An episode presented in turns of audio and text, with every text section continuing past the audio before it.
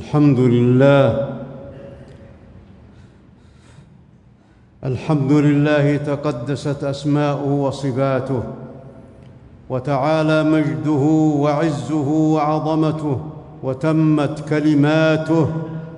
أحمد ربي وأشكره على نعمه التي لا تحصى وأشهد أن لا إله إلا الله وحده لا شريك له أضاءت براهين وحدانيته وعظمت آياته وأشهد أن نبينا وسيدنا محمدا عبده ورسوله تواترت معجزاته وكرمت أخلاقه وصفاته. اللهم صل وسلم وبارك على عبدك ورسولك محمد وعلى آله وصحبه أجمعين. أما بعد فاتقوا الله حق التقوى وتمسكوا من الإسلام بالعروة الوثقى. فمن اتقى الله وقاه الشرور والمهلكات ومن اتبع هواه وعصى ربه وكفر به أدركه الشقاء وأرداه في الهلك وأرداه في الدركات. عباد الله عباد الله اعلموا أن الله شرع الطاعات وجعلها في الفضل والمنازل درجات وحرم المحرمات والموبقات وبين مفاسدها وشرورها وأضرارها وجعلها دركات فأعظم المحرمات فأعظم المحرمات وأكبرها وشرها الشرك بالله تعالى في العبادة والدعاء والاستغاثة والتوكل وطلب الخير وطلب دفع الشر وهو الذنب الذي لا يغفره الله إلا بالتوبة. ثم ثم بعد الشرك جريمة قتل النفس التي حرم الله إلا بالحق. فجريمة قتل النفس عار وخسار وخلود في النار. قال الله تعالى ومن يقتل مؤمنا متعمدا فجزاؤه جهنم خالدا فيها وغضب الله عليه ولعنه وأعد له عذابا عظيما. وعن ابن مسعود رضي الله عنه قال قلت يا رسول الله أي الذنب أكبر؟ قال أن تجعل لله ندا وهو خلقك. قلت ثم أي؟ قال أن تقتل ولدك خشية أن يطعم معك. قلت ثم أي؟ قال أن تزاني حليلة جارك. رواه البخاري ومسلم. فذكر فذكر من فذكر من كل نوع من المعاصي أقبحها. وتصديق ذلك في قول الله تعالى والذين لا يدعون مع الله إلها آخر ولا يقتلون النفس التي حرم الله إلا بالحق ولا يزنون ومن يفعل ذلك يلقى أثاما يضاعف له العذاب يوم القيامة ويخلد فيه مهانا إلا من تاب وآمن وعمل عملا صالحا. وعن أنس رضي الله عنه عن النبي صلى الله عليه وسلم قال أكبر الكبائر الشرك بالله وعقوق الوالدين وقتل النفس التي حرم الله وقول الزور رواه البخاري ومسلم. قتل النفس قتل النفس عدوان على الإنسان وظلم للقاتل والمقتول وفساد كبير في الأرض ونشر ونشر للرعب والخوف وخراب للعمران وكساد في الحياة وعذاب أليم للقاتل والمجتمع وإهدار وإهدار لحقوق كثيرة كانت محفوظة لأقرباء المقتول وغيرهم وتدمير لأسباب الأمن والرخاء. وندامة وندامة وندامة تتعا وندامة تتعاظم دائما في نفس القاتل في الدنيا والآخرة فلا يهدأ معها بال ولا يطيب معها عيش أبدا فبئست الجريمة وبئس المجرم. والقتل والقتل يهلك الحرث والنسل وترتفع به البركة من الأرض وتنزل به العقوبات.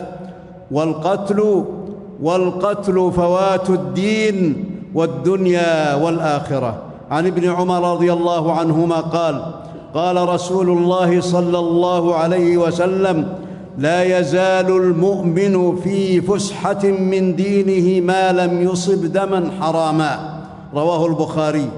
وعن عبد الله بن عمرو رضي الله عنهما أن النبي صلى الله عليه وسلم قال لزوال لزوال الدنيا أهون على الله من قتل رجل مسلم. حديث صحيح رواه الترمذي. وعن أبي هريرة رضي الله عنه عن رسول الله صلى الله عليه وسلم قال لو لو أن أهل السماوات لو أن أهل السماء لو أن أهل السماء والأرض اشتركوا في دم مؤمن لأكبهم الله في النار. حديث صحيح رواه الترمذي. ولحرمة ولحرمة الدماء يقضي الله فيها أولا. عن عبد الله رضي الله عنه قال قال رسول الله صلى الله عليه وسلم أول ما يقضى بين الناس يوم القيامة في الدماء. رواه البخاري ومسلم. ولعظم جريمة القتل. نهى الإسلام عن المزاح بس ولعظيمه ولعظيم جريمة القتل. نهى الإسلام عن المزاح بالسلاح والإشارة به إلى الدم المعصوم. عن أبي هريرة رضي الله عنه قال قال رسول الله صلى الله عليه وسلم لا, يش لا يشر أحدكم إلى أخيه بالسلاح فإنه لا يدري أحدكم لعل الشيطان ينزغ في يده فيقع في حفرة من النار. رواه البخاري ومسلم. وعن أبي هريرة رضي الله عنه قال قال رسول الله صلى الله عليه وسلم من أشار إلى أخيه بحديده فإن الملائكة تلعنه حتى وإن كان أخاه لأبيه وأمه. رواه مسلم والترمذي. وحتى وحتى قتل, وحتى قتل الإنسان نفسه حرمه الله ورسوله. أشد التحريم وقاتل نفسه. وقاتل نفسه في النار ولو كان مسلما سواء سواء قتل نفسه بحديدة أو بسم أو أو أو حزام ناسف أو حزام ناسف أو سيارة مفخخة أو أو عبوة ناسفة أو تفجير أو قنبلة. قال الله تعالى ولا تقتلوا أنفسكم إن الله كان بكم رحيما. ومن يفعل ذلك عدوانا وظلما فسوف نصليه نارا وكان ذلك على الله يسيرا. وعن أبي هريرة رضي الله عنه عن النبي صلى الله عليه وسلم قال من تردى من جبل فقتل نفسه فهو في نار جهنم يتردى فيها خالدا مخلدا فيها أبدا.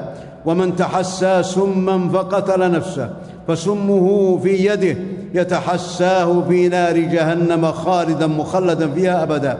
ومن قتل نفسه بحديده فحديدته في يده يجأ يجأ بها في بطنه يعني يطعن بها في بطنه في نار جهنم خالدا مخلدا فيها أبدا. رواه البخاري ومسلم. وهذا العذاب وهذا العذاب الشديد الأليم لمن قتل نفسه. فكيف بمن قتل غيره؟ لأن نفس الإنسان لأن نفس الإنسان ليست ملكا له بل هي ملك لله تعالى يتصرف فيها يتصرف فيها الإنسان بمقتضى الشرع الذي أنزله الله عز وجل. والحياة الآمنة الحياة الآمنة من حق الإنسان.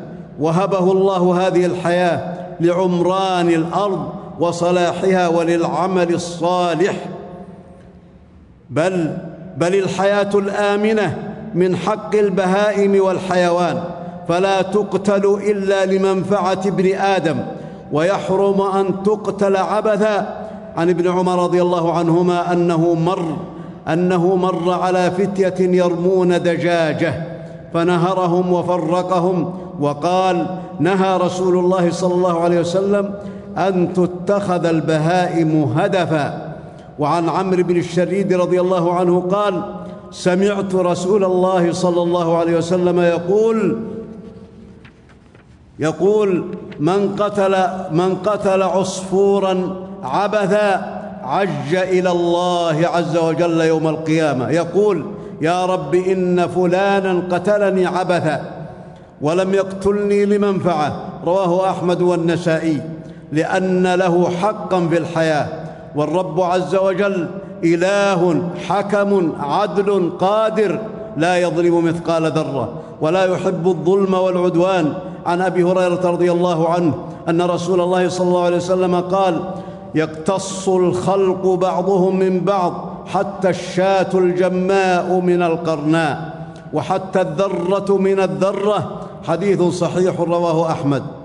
فأي تعاليم؟ فأي تعاليم أرقى وأرحم وأعدل وأحكم من تعاليم الإسلام والدماء والدماء المعصومة التي حرمها الله ورسوله وجاء الوعيد والعذاب لمن سفكها هي دم المسلم ودم ودم غير المسلم الذمي والمعاهد والمستأمن. وفي عرفها وفي عرف هذا العصر الفرد غير المسلم المواطن أو الذي يحمل إقامة من ولي الأمر أو نائبه أو قدم لبلد مسلم بجواز سفر أو قدم للبحث عن الرزق أو لحاجة. ومعاملات ومعاملات غير المسلمين وأحكامهم منوطة بالإمام ونوابه وليس الفرد مسؤولا عن ذلك. عن عبد الله بن عمرو قال قال رسول الله صلى الله عليه وسلم من قتل قتيلا من أهل الذمة لم يرح رائحة الجنة وإن ريحها ليوجد من مسيرة أربعين عاما. حديث صحيح رواه أحمد والنسائي.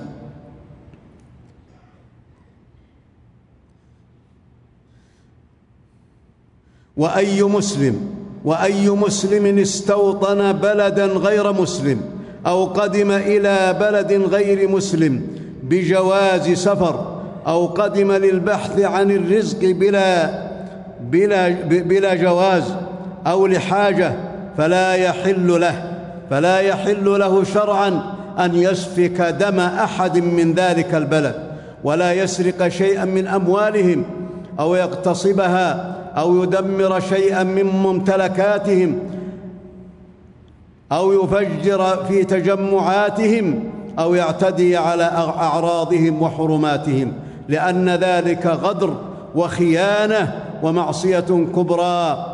نهى الله عنها. قال الله تعالى إن الله لا يحب الخائنين. وأما الجهاد وأما الجهاد أما الجهاد فله أحكامه وأدلته المحكمة الرحيمة العادلة. المبارك المباركة الصريحة التي لا تغير ولا تبدل والاذن والإذن فيه للإمام لأنه المسؤول عن مصالح الأمة والمعني بهذا الشأن والقادر على معرفة الأحوال وتقدير الأمور والقتل والقتل قد يكون بين متخاصمين عدوين. وقد يكون بين طائفتين من المسلمين وقد يقع القتل في فتن تلتبس فيها الأمور على الناس. وقد يقع القتل في فتن تلتبس فيها الأمور على الناس. وكثيرا ما يكون القتل عند انفلات الأمن واضطراب الأحوال وتفشي المنكرات وغلبة الأهواء وتعطيل الشريعة والفتنة بالدنيا وضعف انواع وضعف وضعف الوازع الديني. قال الله تعالى قل هو القادر على أن يبعث عليكم عذابا من فوقكم أو من تحت أرجلكم أو يلبسكم شيعا ويذيق بعضكم بأس بعض. انظر كيف نصرف الآيات لعلهم يفقهون. فكل مكروه ونازلة وعقوبة سببها المعاصي.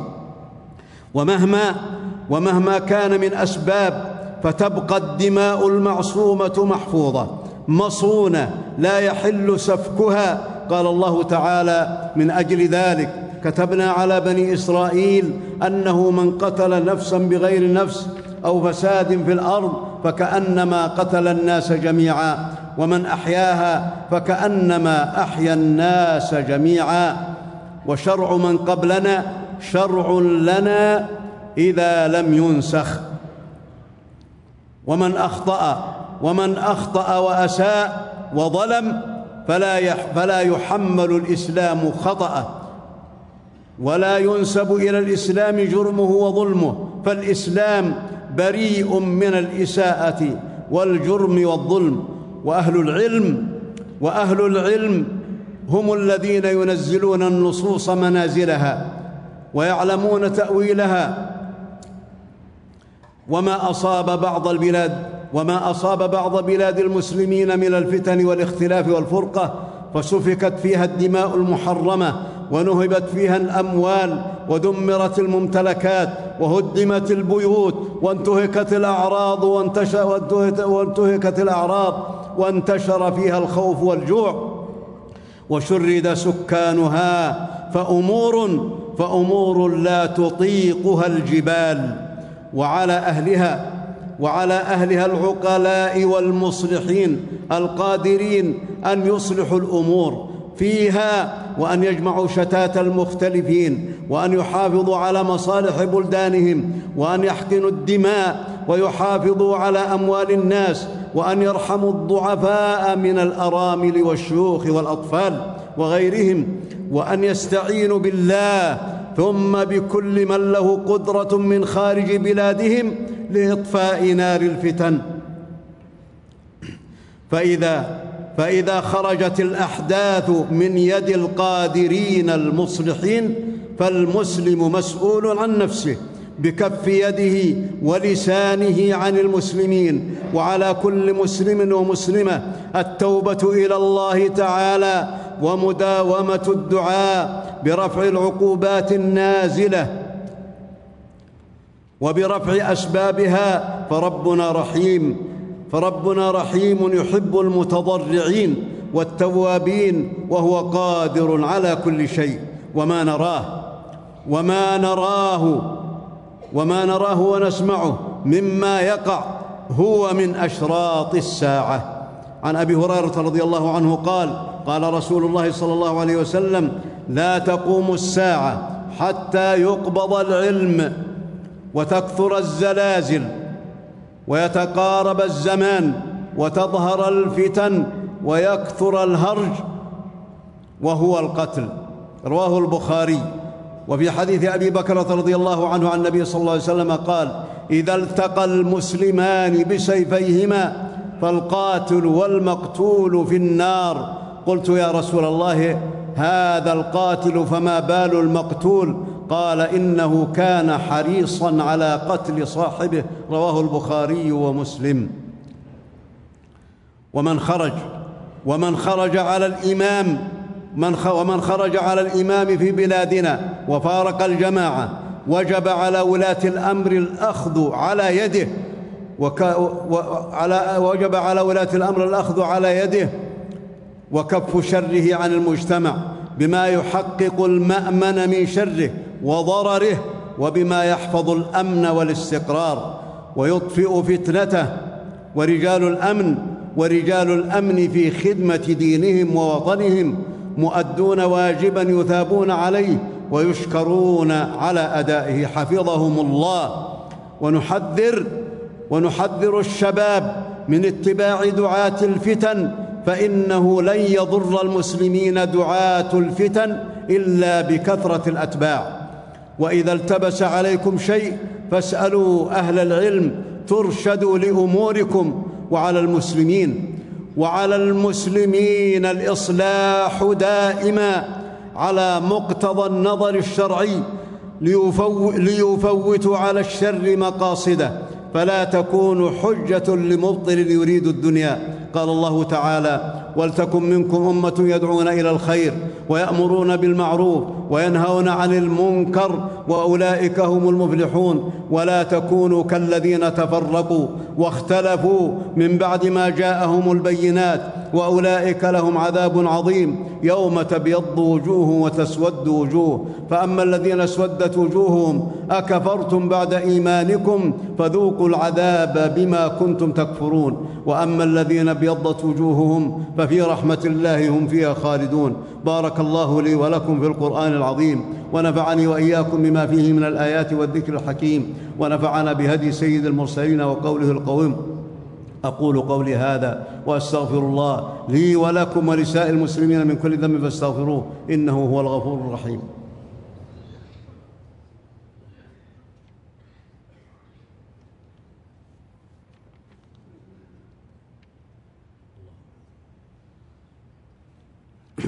الحمد لله معز من أطاعه واتقاه ومذل من خالف أمره وعصاه وأشهد أن لا إله إلا الله وحده لا شريك له لا إله سواه وأشهد أن نبينا وسيدنا محمدا عبده ورسوله اصطفاه ربه واجتباه اللهم صل وسلم وبارك على عبدك ورسولك محمد وعلى آله وصحبه ومن والاه. أما بعد فاتقوا الله حق تقاته ولا تموتن إلا وأنتم مسلمون. عباد الله إن السعادة كل السعادة والفلاح كل الفلاح.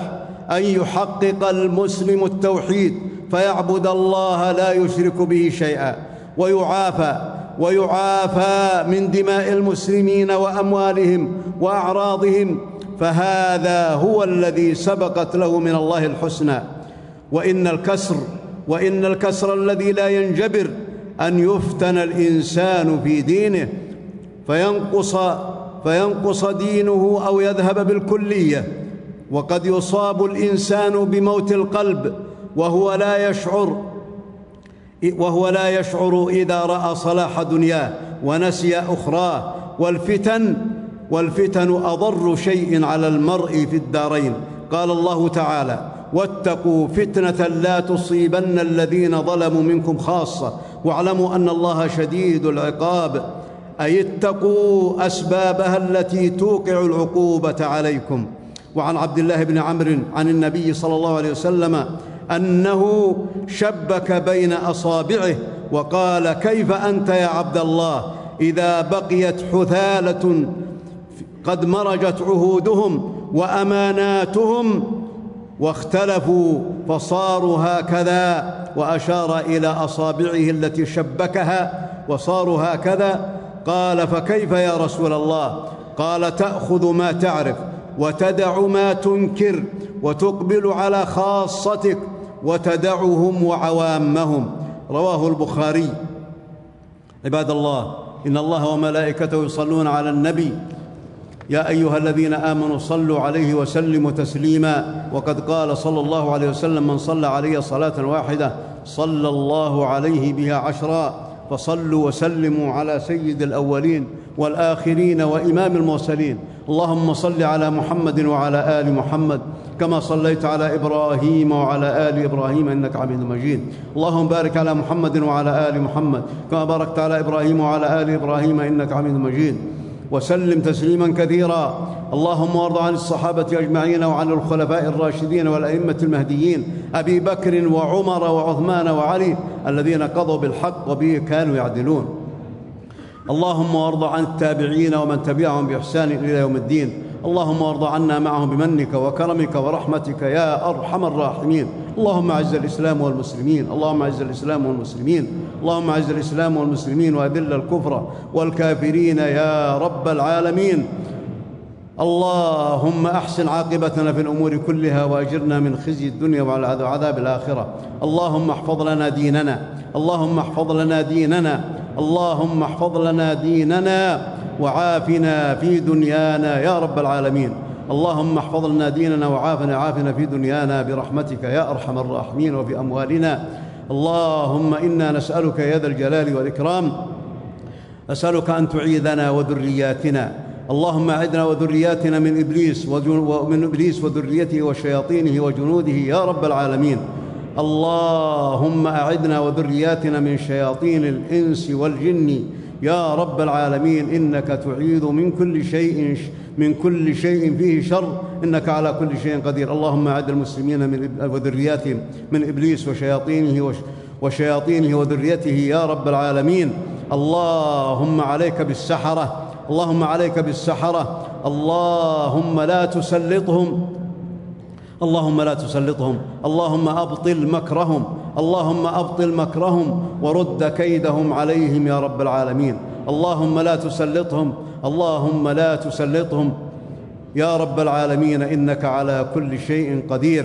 اللهم اغفر لأمواتنا وأموات المسلمين اللهم اغفر لأمواتنا وأموات المسلمين. اللهم أغثنا يا رب العالمين.